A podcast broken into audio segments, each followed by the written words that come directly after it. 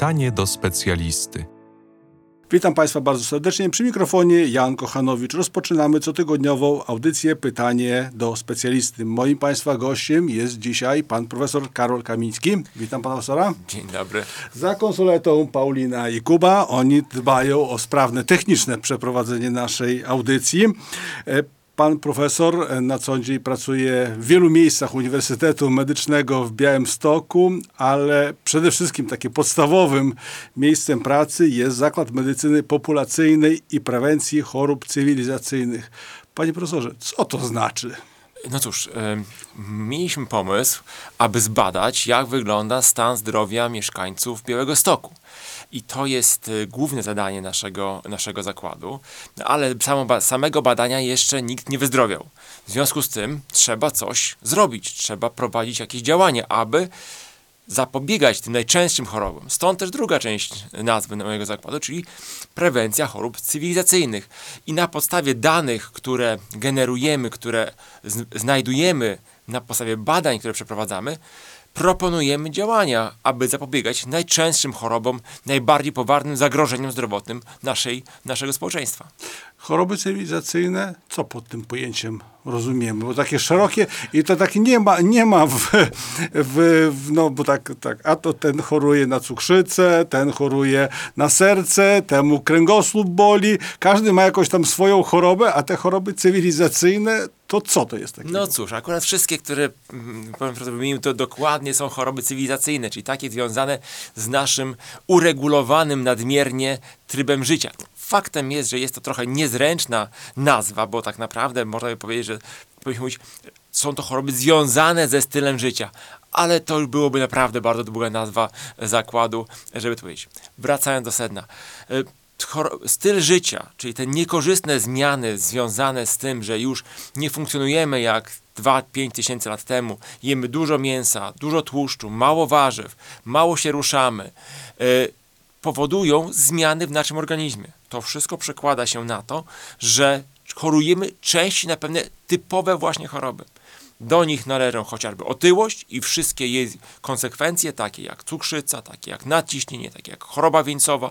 Nowotwory również są związane z otyłością i z małą ilością, małą ilością wysiłku fizycznego. Nieodpowiednia dieta przekłada się również na bardzo zbliżone, zbliżone choroby, jak otyłość, nowotwory, choroby układu krążenia, również choroby właśnie układu kostno-ruchowego, Kręgosłup boli od czego? Zazwyczaj właśnie od siedzenia, od nieprawidłowego ruchu lub zbyt małej ilości ruchu. W związku z tym wiele chorób, bardzo częstych, ma wspólne źródła w niewłaściwym, czy też powiedzmy w nowoczesnym stylu życia. Panie profesorze, to chyba tytuł naszej audycji dzisiejszej. Chodzę, biegam, ćwiczę. Ja jest jak najbardziej na miejscu. Oby, oby nam to się e, udawało, ponieważ właśnie to jest podstawowy element, podstawowy sposób na zapobieganie wielu chorobom cywilizacyjnym.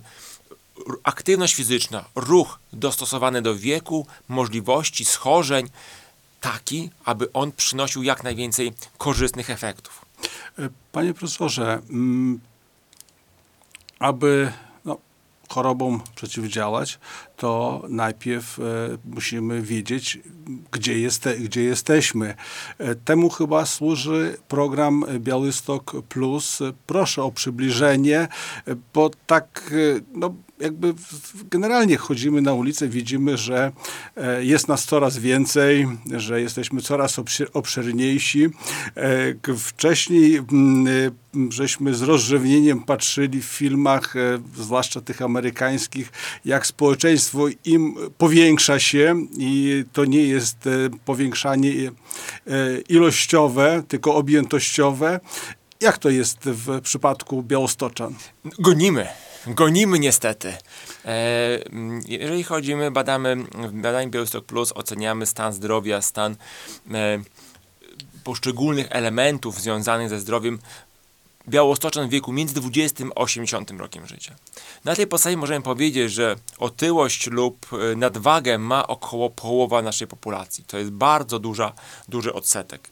A jeżeli do tego dodamy jeszcze otyłość brzuszną, czyli obwód brzucha przekraczający 80 cm u kobiet, a 94 cm u mężczyzn, który również jest związany z niekorzystnymi konsekwencjami, to przekraczamy tak naprawdę 50%. Co drugi białostoczanin ma tę czy inną formę otyłości, czyli pęczniejemy. Niestety nie jest to korzystne. E, wynikiem e, tego możemy liczyć się z zwiększoną częstością chorób e, związanych z otyłością w przyszłości. Jeżeli chodzi o aktywność fizyczną, to trzeba powiedzieć, że my badamy, oceniamy tą na podstawie własnych odpowiedzi uczestników, czyli to uczestnicy mówią nam, jak bardzo się ruszają. Nie mamy możliwości tego bezpośrednio z, zwalidować, ale mamy możliwość ocenić pewne pośrednie parametry, takie jak siła uścisku dłoni, która mówi nam o tym, jak ktoś funkcjonuje, e, na ile wysiłek fizyczny jest ważny.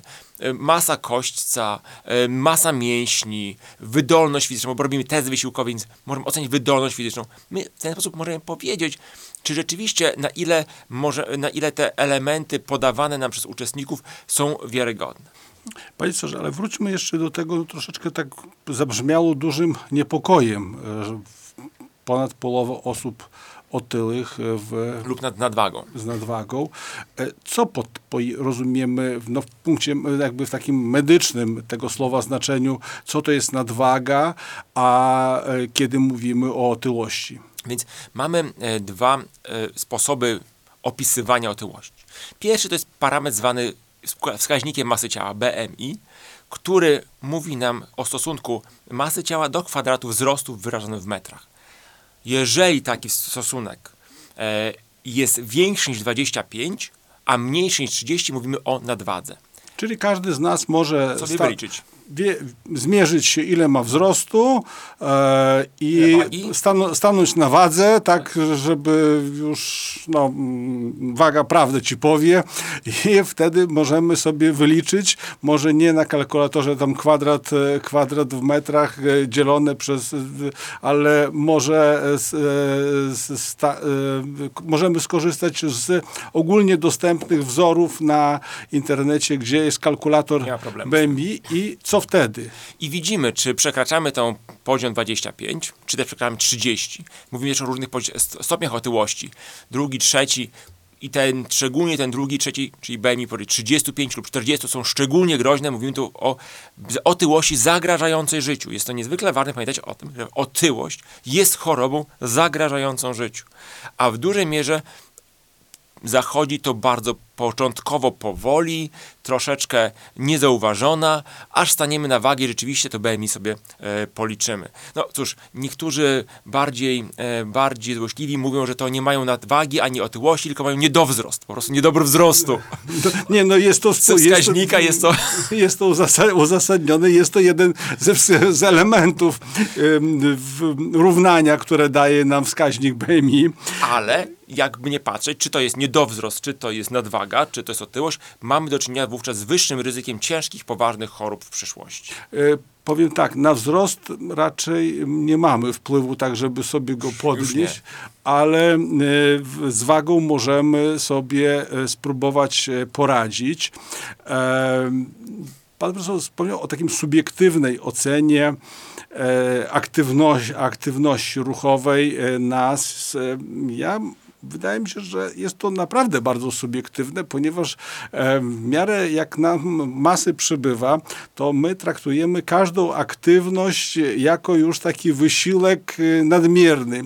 Myślę, że bardziej mamy dużą, większą skłonność do zawyżania naszej, e, naszej aktywno, aktywności, aktywności ruchowej niż do jej e, niedoszacowania. Jak sobie z tym Państwo radzicie w takiej ocenie? Absolutnie to jest, to jest prawda. Mamy, po pierwsze, u nas uczestnik ma przeprowadzoną próbę wysiłkową, gdzie przechodzi na rowerze poszczególne etapy obciążenia. Zwiększamy obciążenie. I my mówimy, w tej chwili, jak pan się czuje, czy pani tak zmęczona, to jest łagodny wysiłek fizyczny.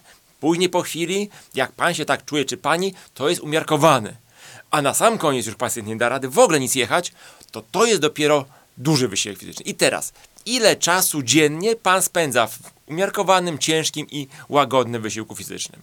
Nadal jest to tendencja do przeszacowania, y, ale jest to już mniejsza. To też sprawdziliśmy, że w naszych badaniach pierwszych pilotażowych zauważyliśmy, że po takim przedstawieniu, co jest jakim wysiłkiem, uczestnicy badania dużo bardziej wiarygodnie to przedstawiają. Druga kwestia, to bardzo istotna, wysiłek fizyczny to jest coś trochę odwrotnego od czasu spędzonego w pozycji siedzącej, czyli tak zwanego siedzącego trybu życia. I to jest rzeczywiście plaga naszych czasów. W naszym badaniu średnio y, czas spędzany w pozycji siedzącej przekracza, przekracza 8 godzin. To jest niesamowite. Także można powiedzieć, że my mało schodzimy, mało się ruszamy, mało nawet śpimy, a głównie siedzimy. To myślę, że po wysłuchaniu tej audycji dzisiejszej e, wszyscy wyruszą na spacer e, i postarają się ten wska wskaźnik, wskaźnik siedzenia zmniej zmniejszyć. Tak, ma- mam nadzieję. No, e, myśmy przeprowadzili akcję społeczną, w której, w której wybraliśmy, czy uczniowie szkół średnich białostockich proponowali nam różne rodzaje akcji społecznych, za, zaprojektowali akcje. Wybraliśmy razem z naszymi partnerami z mm, innych organizacji, innymi z Soclabem, z e, Whitebeats, optymalny model akcji robiony przez nastolatków dla nastolatków. No i oni zwrócili nam uwagę, że co my robimy, jak się spotykamy? Słuchaj, co u ciebie słuchaj, siadaj, opowiadaj. Albo słuchaj, dawno cię nie wie, usiądźmy, porozmawiajmy. O, święta, siadamy po, przy stole. I oni zauważyli, że w naszej y, mowie, w naszym sposobie funkcjonowania, kiedy jesteśmy serdeczni, mówimy, żeby usiąść. A Nie może mówimy, pójdźmy na spacer, Właśnie. pobiegajmy, porozmawiajmy w trakcie. przejdźmy się może na spacer. I właśnie w ten sposób zaproponowali, aby promować taką aktywność zmniejszenie siedzącego trybu życia, aby przy spotkaniach mówić, no chodź porozmawiamy, albo przejdźmy się, porozmawiajmy, pobiegnijmy gdzieś. I dokąd idziemy? Idziemy do kina? Usiąść? Może popcorn? Nie, chodźmy na, e, do, do, na siłownię, chodźmy na, na trening razem, przejdźmy się do, do parku. Żeby to było bardziej takim naturalnym sposobem funkcjonowania, a nie siadaj, porozmawiaj, siadaj, opowiadaj, co, co u Ciebie słychać. E, Pan profesor wspomniał o tym, że mm, badacie Białostoczan. E, Czy jest szansa, żeby na takie badanie się zapisać? Jak to jest w ogóle, odbywa się tak? Jak państwo rekrutują tych swoich e, e, probantów? Tak. My, aby badanie było wiarygodne, musimy ich losować.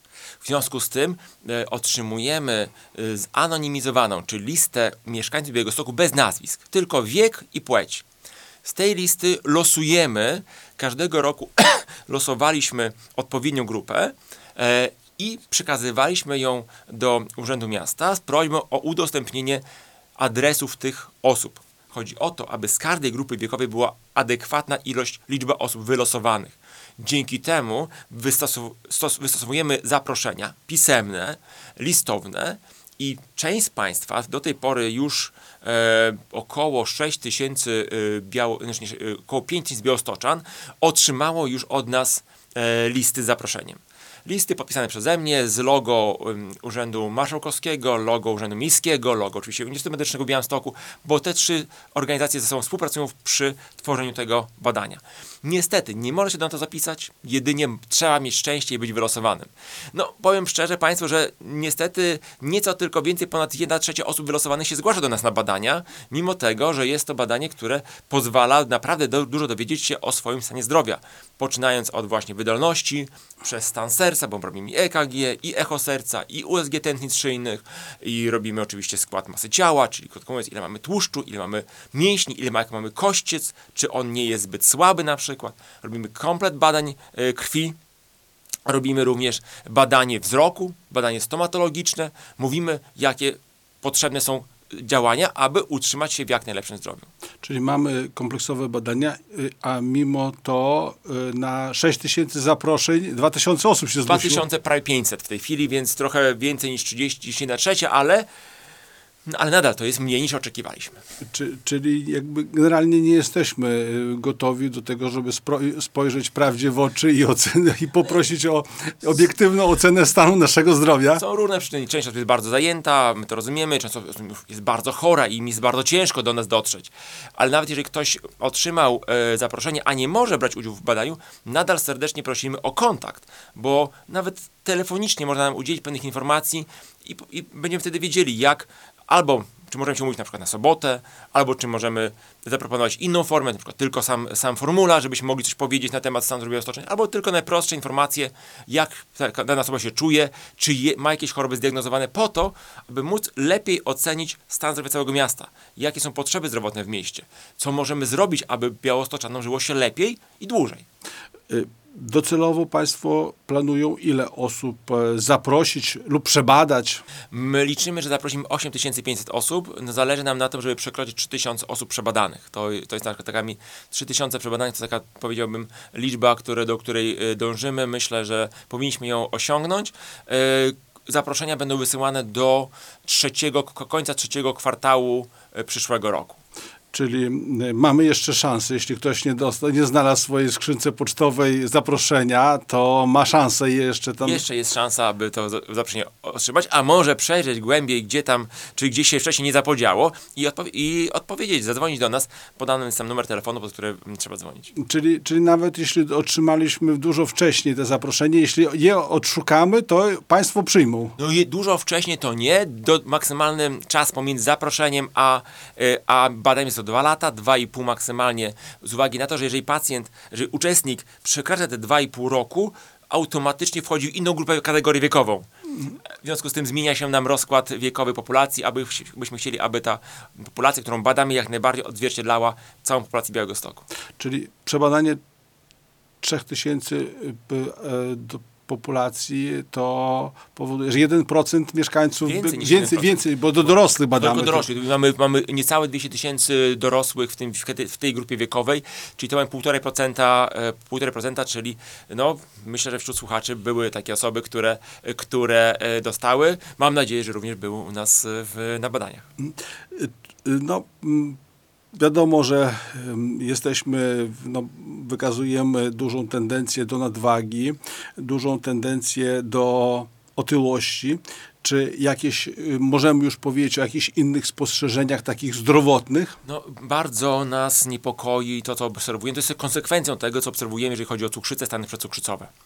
E, Jeżeli połączymy wszystkie przypadki cukrzycy, stanów przedcukrzycowych, czyli takie, które zwiększają ryzyko kolejnej e, właśnie rozwoju cukrzycy, znów osiągamy niemal 50% populacji. To jest bardzo, bardzo dużo. Oczywiście my bardzo szczegółowo analizujemy i część z tych osób nie rozwinie, duża część osób nie rozwinie nigdy cukrzycy, ale nadal, że to fakt, sam fakt, że mają takie ryzyko, e, zwiększa ich również ryzyko sercowo-naczyniowe, czyli zwiększa ryzyko zawału udaru. I znów, cóż jest najlepszym predyktorem tak zwanej świeżo rozpoznanej cukrzycy, bo to też jest, wydaje się dla nas niesamowite, że wśród osób, u których zdiagnozowaliśmy cukrzycę, a którzy o tym wcześniej nie wiedzieli, to jest dokładnie taka sama liczba jak osób, które były leczone z powodu cukrzycy. Czyli krótko mówiąc, co drugi cukrzyk nie wie, że ma cukrzycę. Tak można powiedzieć. Czy to przy okazji, dowi- dowiaduje się przy okazji takiego po prostu profilaktycznego badania? Dokładnie, dokładnie tak. I dopiero dzięki temu, że my diagnozujemy cukrzycę, można podjąć działania wystarczająco wcześnie i dzięki temu zmniejszyć ryzyko niekorzystnych konsekwencji później. Czyli to, co nawołują specjaliści, żebyśmy wykonywali badania profilaktyczne, jak najbardziej ma tutaj uzasadnienie. Absolutnie tak. A na kogo warto zwrócić uwagę w tym wypadku, jeżeli chodzi o cukrzycę? Najbardziej nam oczywiście osoby otyłe, a z takich parametrów bardziej zaawansowanych, które my robiliśmy, to jest stosunek masy mięśniowej do masy tłuszczowej. Im mniej masy mięśniowej w stosunku do masy tłuszczowej, tym gorzej, tym większe ryzyko cukrzycy. W związku z czym co?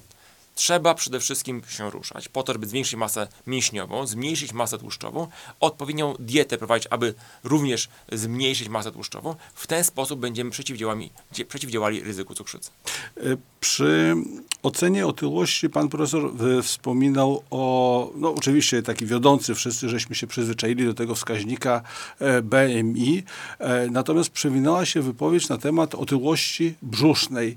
No, dlaczego ona jest tak ważna? Dlaczego to jakby taki brzuszek e, piwny, marynarski nie jest taki w sobie no, niepokojący? No cóż, tak zwana męska otyłość, e, typ męskiej otyłości, czyli typ brzuszny, wbrew pozorom nie jest taki właśnie łagodny, a jest wręcz dużym zagrożeniem z uwagi na to, że jest mało postrzegany jako otyłość, bowiem BMI nierzadko u takich osób jest prawidłowe, poniżej 25, a jednocześnie duży obwód brzucha świadczy o tym, że ten tłuszcz gromadzi się okolicy narządów wewnętrznych, powodując niekorzystne konsekwencje metaboliczne i zwiększając właśnie ryzyko y, powikłań zarówno metabolicznych, jak i sercowo-naczyniowych. O tym trzeba pamiętać, że ten tłuszcz zwiększa ryzyko powikłań takich jak zawał serca, nadciśnienie tętnicze czy udar mózgu. I w związku z tym my widzimy, że y, ta grupa osób z otyłością brzuszną jest znacząca.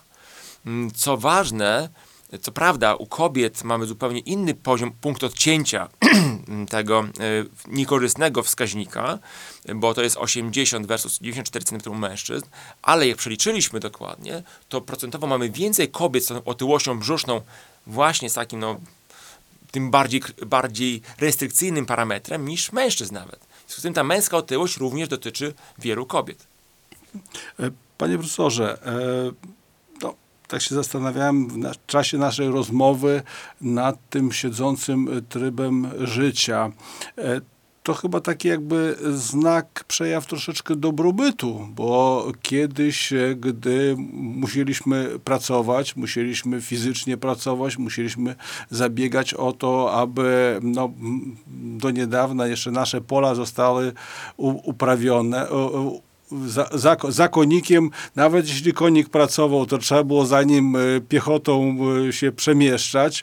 E, teraz to taki znak dobrobytu i to tak jakby um, zmia zmiana stylu życia wynikająca z no, luksusu dlatego było nazwane to w pewnym momencie chorobą cywilizacyjną, yy, prawda, te choroby związane z tym zmianą stylu życia. Co prawda trudno nazwać to postępem cywilizacyjnym, a bardziej niekorzystnymi efektami yy, post postępu, yy, ale rzeczywiście my mniej się ruszamy, widzimy, że mamy mniejsze, yy, mniejsze potrzeby również do, do ruchu. W naszych badaniach, o których mówiłem, dotyczących siedzącego trybu życia, widzimy, że też yy, mamy stosunkowo mało yy, mały odsetek ludzi, którzy ruszają się jako formę wypoczynku. E, powiem tak, wśród mężczyzn na przykład w weekendy, dni wolne od pracy, większość mężczyźni więcej siedzą w domu niż kobiety, widocznie e, traktują to jako formę odpoczynku. Fajnie by było, bardzo bym się cieszył, gdybyśmy wszyscy y, y, działali na, w tym kierunku, aby to właśnie wypoczynek aktywny był tą formą domyślną, podstawową formą wysiłku y, fizycznego, odpoczynku. Ale ten mięsień kciuka cały czas pracuje i zmieniamy kanały w telewizorze. Jest on tak mały, że niestety nie daje nam masy mięśnia wystarczająco. A to jest też istotne, bo można by do tego, od tego przejść do, do kciuka, kciuków, palców wskazujących na komórce. Nasza e, młodzież, młodzi ludzie e, też bardzo dużo czasu spędzają w, w, me, w mediach, w, na komputerze. E, no i widzimy, że stosunkowo jest taka, jakby powiedzieć, mm, te, różnica w stosunku siły mięśniowej u młodych i u starszych, to znaczy ta różnica się zmniejsza oczekiwalibyśmy, że wraz z wiekiem masa mięśniowa się mocno zmniejsza i w związku z tym mocno zmniejsza się również siła mięśniowa.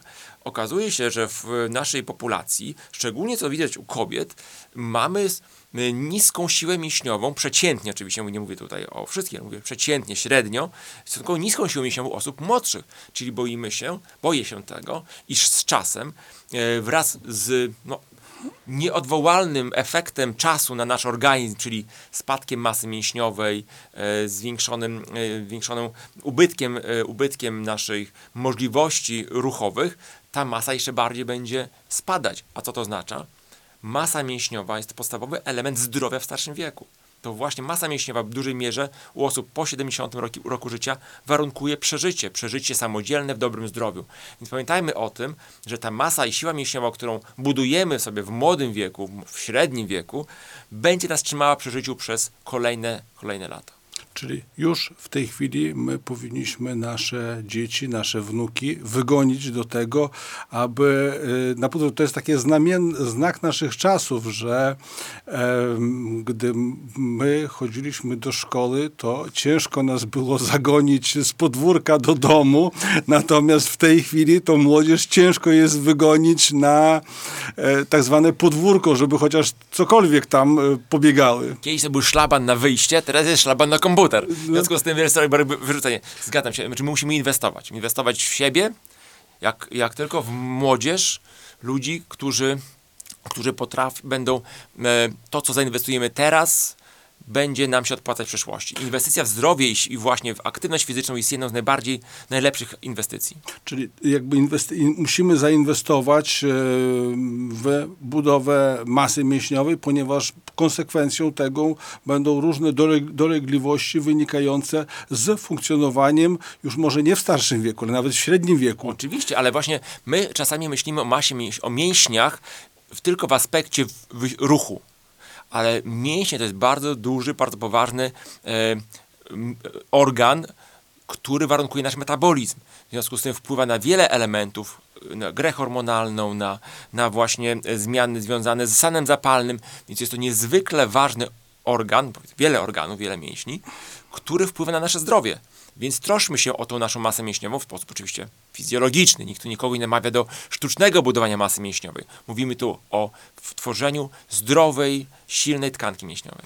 E, panie profesorze, nadwaga, otyłość, stan cukrzyca, stan przedcukrzycowy, czy jeszcze jakieś inne schorzenia są tak wśród nas Białostoczan popularny? No, oczywiście y, Białystok z uwagi na y, położenie geograficzne jest jednym z endemicznych regionów, które miały wcześniej duży niedobór, y, niedobór jodu, w związku z tym mamy wysoką bardzo częstość guzków, guzków tarczycy. Y, I w związku z tym no, też na pewno warto y, o, to, o to zadbać, jeżeli mamy jakieś, po, jakieś powiększenie, powiększenie tarczycy, aby się w tym kierunku zbadać, bo rzeczywiście większość z nich jest łagodna, ale niestety raz na jakiś czas zdarzają się również, również zmiany złośliwe i warto o tym pamiętać, warto mieć to, e, mieć to na uwadze. Kolejny element, który, e, który bardzo ściśle badamy, to jest chociażby e, zdolność do zapamiętywania.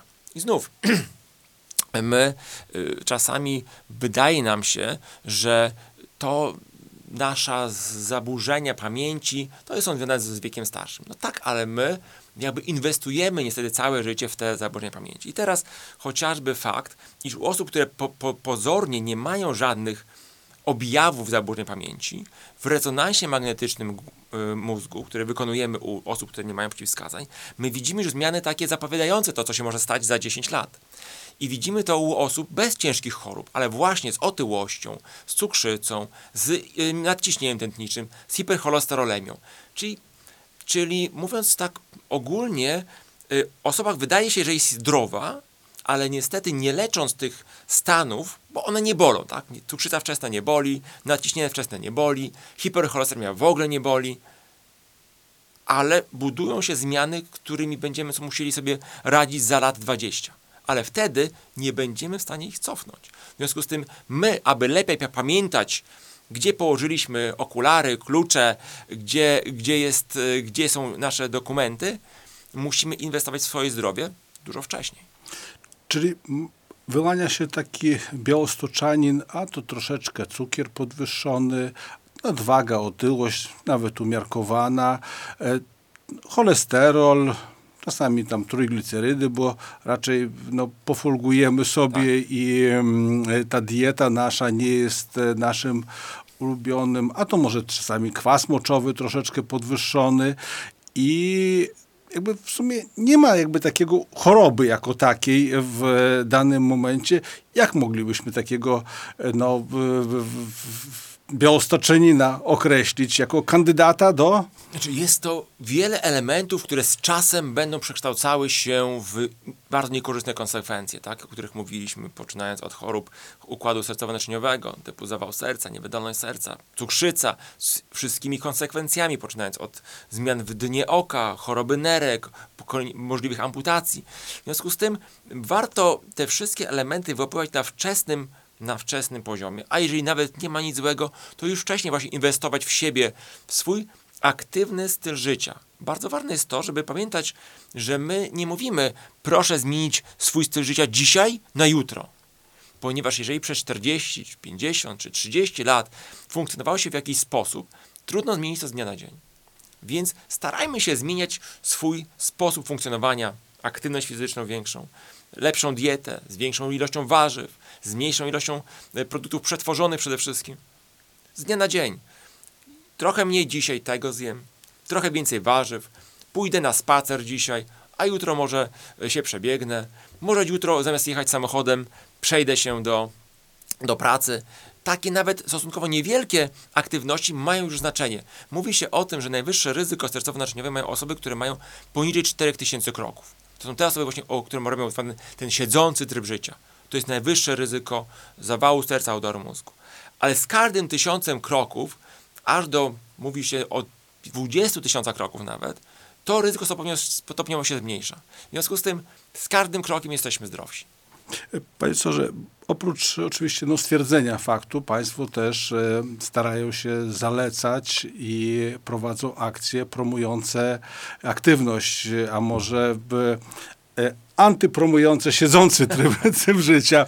Co za tym pojęciem się kryje? No tak, y, mamy taki y, projekt, który, y, który jest, prowadzimy razem z kolegami z Niemiec, z Holandii, którym staramy się na podstawie danych lokalnych, bo mamy, tak jak my badania mają też Niemcy w Greifswaldzie, Holendrzy w Rotterdamie i każda z naszych grup na podstawie naszych danych właśnie stara się wyłonić najważniejsze elementy, które są problemem lokalnie. Myśmy w, zaproponowali, że na podstawie naszych danych to siedzący tryb jest tym największym problemem. W związku z tym stworzyliśmy ulotki, dostaliśmy materiały, stworzyliśmy również akcje promocyjne, które mają zmniejszyć tendencję do tego niezdrowego, siedzącego trybu życia. Ponieważ jesteśmy jednak trochę starszymi osobami, stwierdziliśmy, że może nie wiemy dokładnie, jak dotrzeć do tych najmłodszych, więc zaprosiliśmy do współpracy uczniów białostockich szkół średnich. I podczas takiego zdarzenia, które nazywano hackatonem, ci uczniowie wymyślali różne strategie, w jaki sposób można by zachęcić rówieśników do mniej siedzącego trybu życia. No i jedna z grup, która została wybrana przez, przez jury, y, właśnie związane z grupami, z organizacjami y, pozarządowymi, takimi jak, jak chociażby Socrap, dostało szansę na stworzenie własnej kampanii medialnej, własnej kampanii w mediach społecznościowych. E, te dziewczyny nagrały e, filmy, w standardzie takim, jak one oglądają. Nie takich dla osób starszych, takich jak ja, ale takich, jak one oglądają, co one, co one widzą, w sposób, który do nich dociera. E, jest to film, który jest na Instagramie, na Facebooku. E, filmy, które parodiują niejako nasze zachowania, e, właśnie związane z tym, że kiedy się spotykamy, to chcemy usiąść, parodiują nasze zachowania, na przykład parodiują nas jako elementy gry komputerowej, ten sposób staramy się dotrzeć do, do tych ludzi, którzy mają inne źródła wiedzy niż, niż, tylko, e, niż tylko dane, dane naukowe.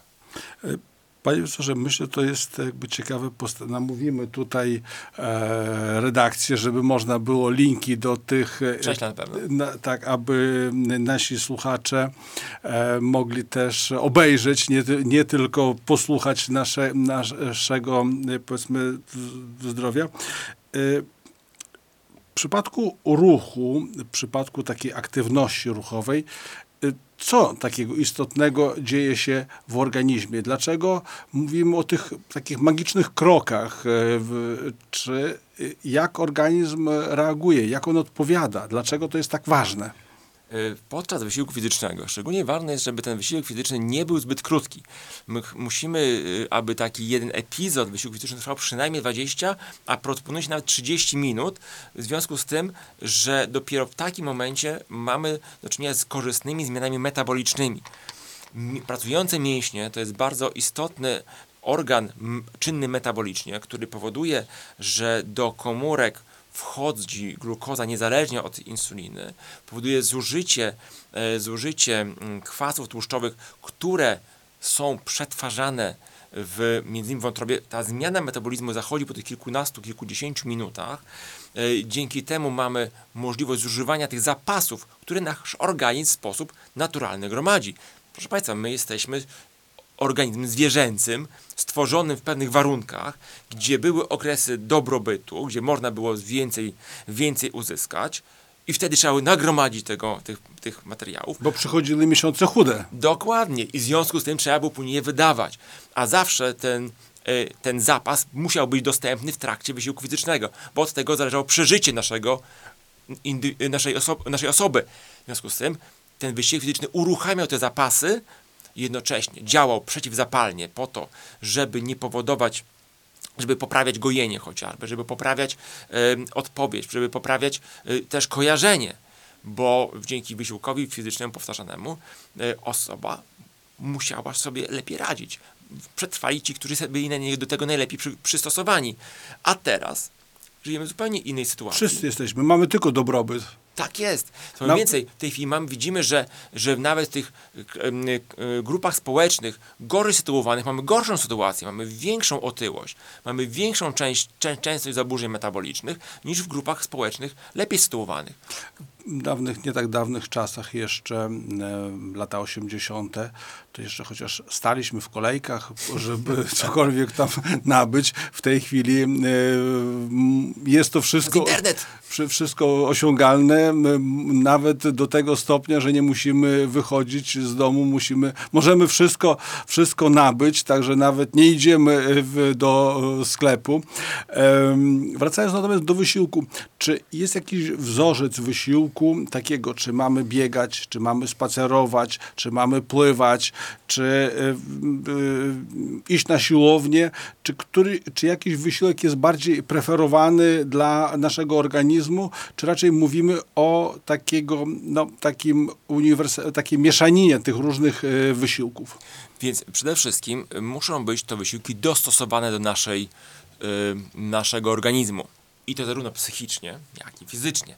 Są osoby, które źle tolerują samotność i w takim wypadku bie- bieganie, samo, samo, samotne bieganie y, jest mało skuteczne, ponieważ się nie podtrzyma. Więc musimy dopasować do samego siebie.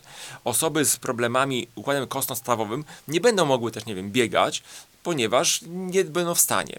Takich wypadkach być może, być może pływanie. Co jest bardzo istotne, należy łączyć tak zwany wysiłek aerobowy, czyli takie właśnie bieganie, pływanie, jazda na rowerze, z wysiłkami oporowymi, czyli takimi, które są związane z wyższym obciążeniem, e, ale nie powinno to być bardzo duże obciążenie, ponieważ e, takie ciężkie wysiłki izometryczne, ciężkie wysiłki izometryczne zwiększają znowu ciśnienie, zwiększają e, problemy związane z niektórymi chorobami. Natomiast ważne jest, żeby te, te, te wysiłki izometryczne, właśnie takie siłowe, również włączać, bo one w większym stopniu niż ten wysiłek, wysiłek e, aerobowy zwiększają masę mięśniową i siłę mięśniową, o której mówiliśmy wcześniej jako o kluczowym, kluczowym elemencie. Więc tutaj musi być balans między dwiema grupami wysiłku fizycznego, e, dostosowane oba do konkretnej osoby. Czy jakiś taka wypowiedź motywująca naszych słuchaczy? Mamy okres jesienny, e, w dzień zaczyna, zaczy, wychodzimy, wychodzimy do pracy, no, Ciemno. ciemno, wracamy e, do domu, a myślę, że nasi słuchacze słuchają już po ciemku e, audycji. W jaki sposób można byłoby się w takiej sytuacji? Czy jest jakiś sposób taki praktyczny, jak się zmotywować do tego, żeby tej aktywności ruchowej, bo to tak jest jakby przy, troszeczkę jak te niedźwiedzie w Bieszczadach, przychodzi okres jesienno-zimowy i my tak zostajemy w tych domach, w- polegujemy sobie na kanapie. E, Czy jest sposób jakiś taki, żeby się zmotywować do aktywności ruchowej? Czy Państwo też jakieś może mają szczególne zalecenia? Po pierwsze, nigdy nie jest za późno. Zawsze można zrobić pierwszy krok. Od czegoś trzeba zacząć. To jest taka pierwsza rzecz, że nie ma co patrzeć na to, co było. Jeżeli się siedziało przez ostatnie 40 lat, to nie znaczy, że nie można zacząć się ruszać. Oczywiście nie można oczekiwać spektakularnych efektów po tygodniu ruszania się. Po tygodniu ruszania się można liczyć, że będą mięśnie bolały. Więc powoli, stopniowo, y, z każdym dniem warto spróbować wyjść, dać sobie szansę, polubić to, co się będzie robiło. To jest bardzo istotne, żeby mieć satysfakcję z tego. Y, Jedna z moich, jeden z moich kolegów promował pracę doktorską, którą recenzowałem, gdzie y, stosowano właśnie aktywność fizyczną jako element zapobiegania naciśnieniu, hipercholesterolemii osób starszych. I bardzo mi się podobał sposób, jaki to zrobił. W, w wspólnocie, czyli gdzieś wychodził do lekarzy rodzinnych, gdzie zbierał grupę osób starszych i te osoby albo wspólnie ćwiczyły, albo przynajmniej dzieliły się swoimi osiągnięciami, jeżeli chodzi o aktywność fizyczną. Czyli jeżeli mamy taką potrzebę dzielenia się z innymi swoimi informacjami, znajdźmy sobie ludzi, z którymi możemy pójść na spacer, pójść na Nordic Walking, pójść na basen, pójść na, na, na siłownię i podzielić się z nimi swoimi e, problemami, że a ja dzisiaj nie dam rady, dzisiaj źle się czuję, ale słuchaj, ty idziesz, to ja pójdę. Razem się wtedy wz- wzmacniamy ten przekaz, pomagamy sobie nawzajem. E, Więc musimy dopasować do tego, w jaki sposób lubimy funkcjonować. I właśnie to, że e, znajdujemy przyjemność w, tym, w tej aktywności fizycznej, to my wiemy, że większość osób potrafi sobie to znaleźć, że podczas aktywności fizycznej mamy uwalnianie endorfin, to są takie wewnętrzne nasze hormony dające nam więcej szczęścia, satysfakcji, więc można w tym znaleźć. Pytanie, nie dla każdego jest każdy wysiłek fizyczny. To jest, czyli krótko mówiąc, kiedyś trzeba zacząć. Pierwsze kroki są zawsze trudne i tym się nie wolno przejmować. Natomiast trzeba być też konsekwentnym w tym i warto być konsekwentnym. Dlatego warto sobie znaleźć, właśnie tak jak mówiłem przed chwilą, wsparcie w grupie społecznej, wśród znajomych, może wśród rodziny, żeby to ktoś nam czasami mógł pomógł, pomóc i nas wesprzeć w te czasami, no czasami się po prostu już nie chce. Ja już wiem, kiedy my rozpoczniemy aktywność ruchową e, po wysłuchaniu naszej audycji i powiem więcej. Każdy słuchacz zabierze na spacer e, osobę, która nie słuchała tej audycji i tak będzie się roz, roz, zwiększać spo, społeczność nasza e, Białostoczan, a nie tylko, bo słuchają nas, nas też mieszkańcy e, okolicznych e, miejscowości e, całego województwa e, podlaskiego i jeśli wszyscy wyruszą na ten spacer, to będzie to tylko e, prozdrowotnie. Dobry początek. E, A do tego wszystkiego zachęcał pan profesor Karol Kamiński. E, Dziękuję panu profesorowi. Dziękuję. Pan profesor na co dzień e, właśnie pracu, pracuje w Zakładzie Medycyny e, Populacyjnej i Prewencji Chorób Cywilizacyjnych oraz w klinice kardiologii, gdzie widzi efekty takiego niechodzenia, niespacerowania, braku aktywności ruchowej, gdzie trafiamy jako pacjenci z prob- problemami sercowymi. Ale nigdy nie jest za późno, żeby zacząć. Także chroniąc siebie, ruszamy na spacer. Dziękuję Państwu bardzo. Do usłyszenia za tydzień. Dziękuję bardzo.